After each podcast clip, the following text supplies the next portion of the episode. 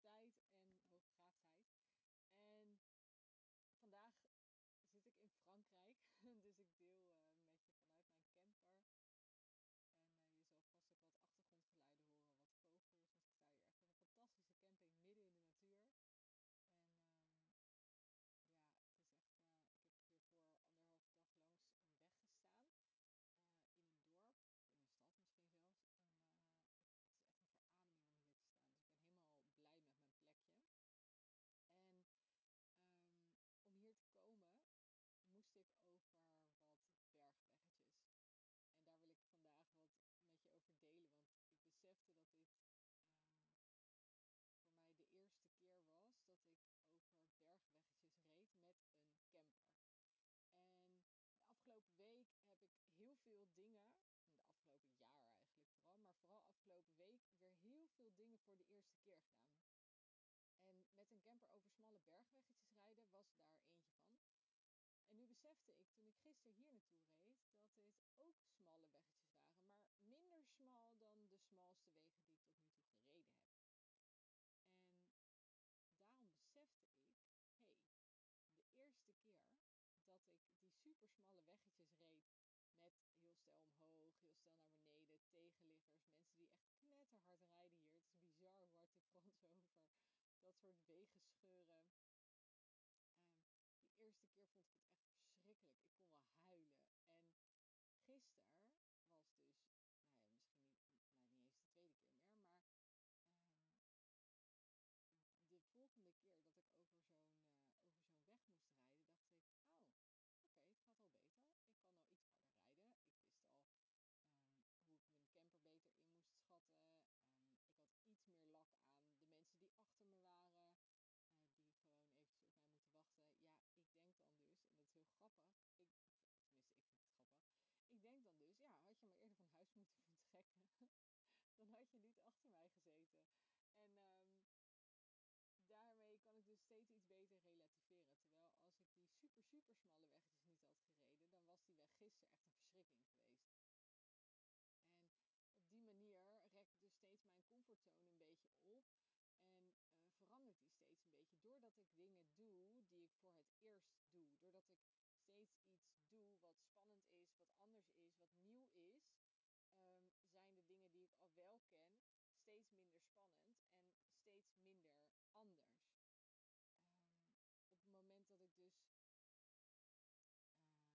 de eerste die ik afgelopen week veroorzaakte, was in een dorpje dat echt bovenop een berg lag een bergje, geen idee. Maar gewoon, je moest daar naartoe en het was zo steil. En de weggetjes die waren zo smal dat je kon niet met twee tegelijk er overheen rijden. Dus op het moment dat ik naar boven toe aan het rijden was en er scheurde iemand van boven naar beneden toe, ja, dan moest ik eventjes wachten. Maar dat betekende dat ik daarna weer moest optrekken op een weg waar ik gewoon, nou ja, het zal vast overdreven zijn, maar voor mijn gevoel stond ik gewoon in zeg maar hoeveel is dat dan? 45 graden? Nou, ik weet niet. Ik stond gewoon heel schuin. En dan gaat er dus iemand heel strak achter mijn auto staan. En dan denk hoe krijg je het voor elkaar?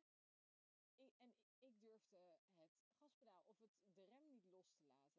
Omdat ik dacht, ja, ik knal tegen degene aan die achter mij staat. Hoe doe ik dit nou?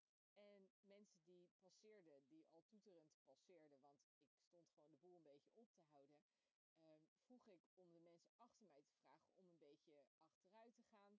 Maar of die boodschap kwam niet aan, of die mensen hadden er gewoon lak aan, want er gebeurde niks achter mij. En nadat ik um, de weg naar boven toe, er stonden een auto of acht te wachten.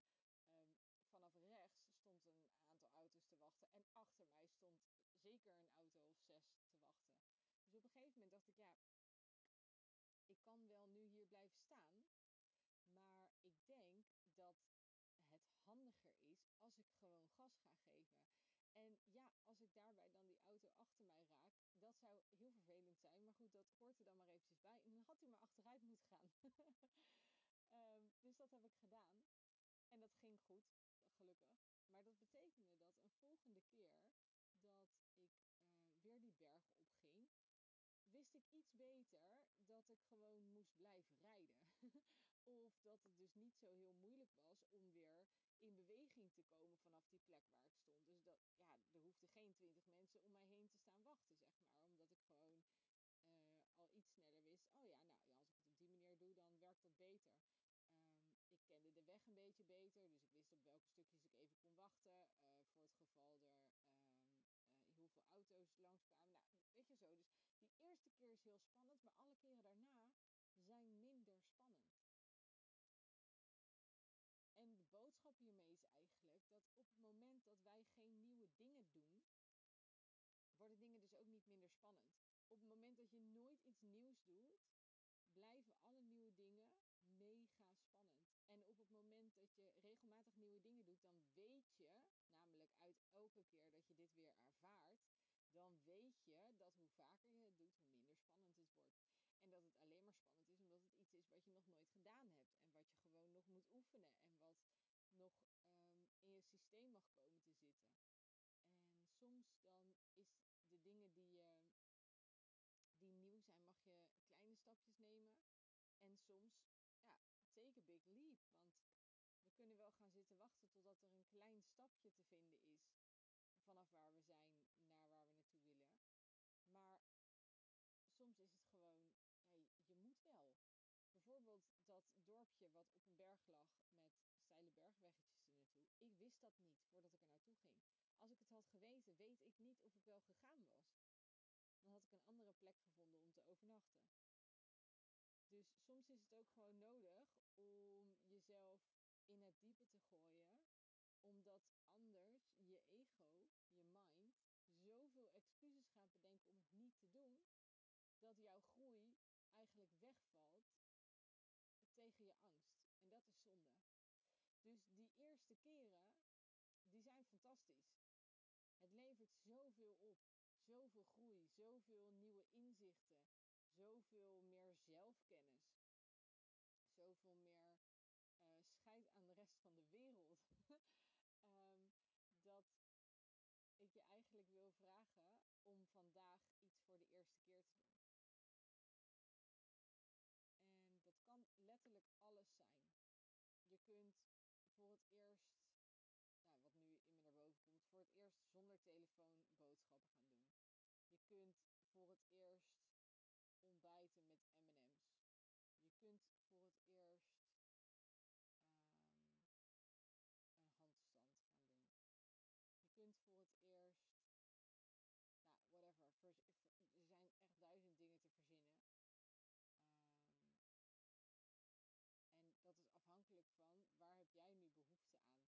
Misschien ga je voor het eerst een yogales doen, omdat je dat eigenlijk al heel graag wil. Maar er altijd in is, ja, maar misschien kan ik het niet. Nee, hè, hè, natuurlijk kan je het niet de eerste keer, want het is de eerste keer. en um, ik weet dat um, hoogbegaafde, maar over het algemeen de mens heel erg bezig is met dingen kunnen in plaats van dingen leren. En ik herken dat ook heel erg van mezelf. Ik wil zoveel liever iets kunnen dan dat ik het leer. Doe mij maar gewoon uh, um, een, een, in mijn systeem, zeg maar. Dan, uh, dan ben ik blij. Maar ik weet ook dat het niet zo werkt. Het werkt niet zo met dat ik opeens van alles kan. Nee, daar gaat een, een proces aan vooraf. Een proces waarin ik op mijn bek ga. Een proces waarin ik nieuwe dingen leer. Een proces waarin dingen moeilijk zijn en ik frustratie ervaar. En ik geen zin meer heb en ik wil opgeven. En ik dan vervolgens de waardering voel voordat ik toch heb doorgezet. Dat ik voel wat een groei ik heb doorgemaakt. Dat ik voel dat dingen opeens makkelijker gaan. Dat ik voel dat dingen moeitelozer beginnen te gaan. Naarmate ik ze vaker doe. Dus hoeveel weerstand er ook is tegen iets voor de eerste keer doen, iets nieuws doen. Ik wil je toch uitdagen om het te gaan doen. Het kan heel klein zijn, het kan heel groot zijn, het kan er één zijn, het kunnen er veertien zijn, het maakt er niet uit. En ik ben heel benieuwd of je het met me wilt delen, wat je hebt gedaan. Um, en wat het met je gedaan heeft. En als je het niet met mij deelt, sta er dan in ieder geval voor jezelf even bij stil. hey, op? Voelde ik weerstand? Voelde ik een, vorm van succes? Was ik trots op mezelf? Kwamen er daarna allemaal stemmetjes die zeiden: Nou, wat een onzin, dit is toch niet iets om over te zijn? Of kon ik er gewoon lekker van genieten? Ehm, heb ik het aan andere mensen verteld? Of heb ik het gewoon alleen maar voor mezelf gedaan? En misschien kun je zelfs kijken of iemand met je mee wil doen. Of er nog iemand is die, uh, die iets voor de eerste keer wil gaan doen. Die iets wil veranderen. Terug bij uh, de uitspraak: als je doet wat je altijd al deed, dan krijg je wat je altijd al kreeg. En dat is natuurlijk op het moment dat we dingen niet meer voor de eerste keer gaan doen, dan is dat wat je krijgt.